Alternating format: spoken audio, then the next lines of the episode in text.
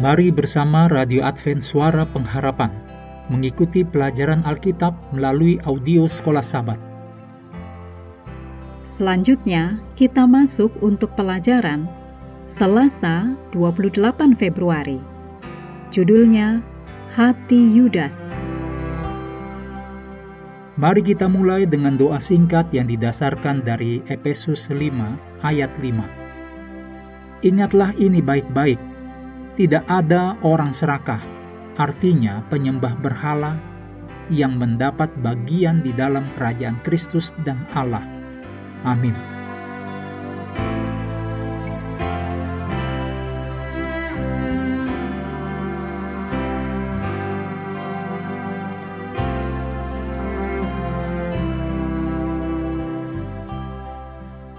Satu dari kisah yang paling tragis di dalam kitab suci adalah Yudas Iskariot.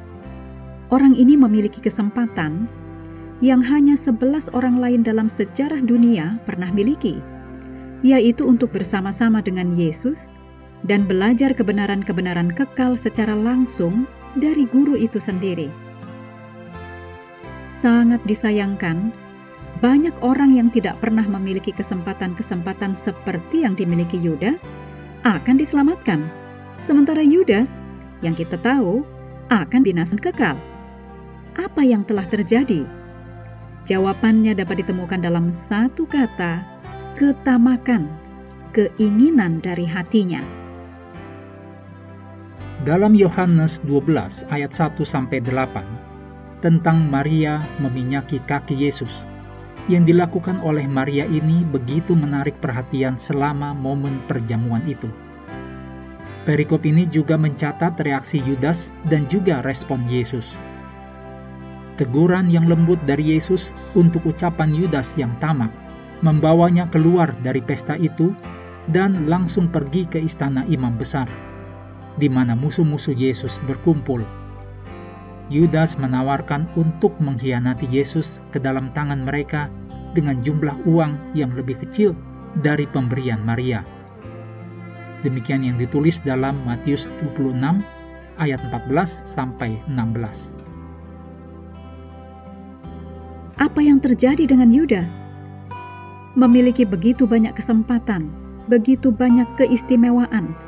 Mengapa dia melakukan sesuatu yang begitu jahat? Menurut Ellen G. White, dicatat dalam Alpha dan Omega jilid 6 halaman 359, Yudas mengasihi guru besar itu dan ingin bersama-sama dengan Yesus. Yudas merasakan satu kerinduan untuk diubahkan dalam tabiat dan kehidupan. Dan ia, yaitu Yudas, mengharapkan untuk mengalami hal ini dengan jalan menghubungkan dirinya dengan Yesus. Juru selamat tidak menolak Yudas. Yesus memberi Yudas suatu tempat di antara kedua belas murid. Yesus mempercayai Yudas untuk melakukan pekerjaan seorang evangelis.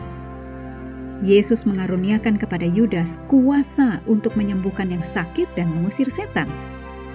Tetapi Yudas tidak mencapai untuk menyerahkan diri sepenuhnya kepada Kristus. Pada akhirnya, kita semua memiliki cacat tabiat yang jika kita berserah dapat diatasi melalui kuasa Allah yang bekerja di dalam diri kita.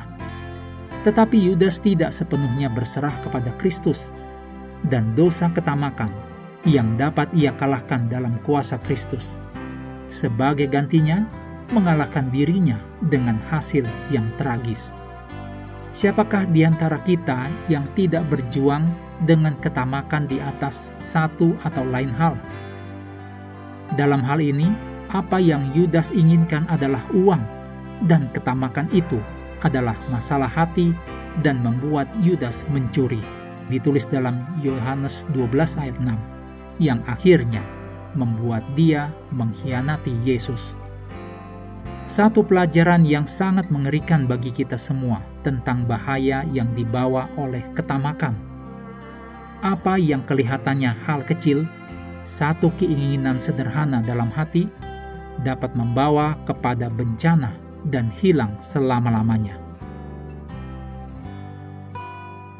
Mengakhiri pelajaran hari ini, mari kembali ke ayat hafalan kita, Lukas 12 ayat 15. Berjaga-jagalah dan waspadalah terhadap segala ketamakan, sebab walaupun seorang berlimpah-limpah hartanya, hidupnya tidaklah tergantung daripada kekayaannya itu.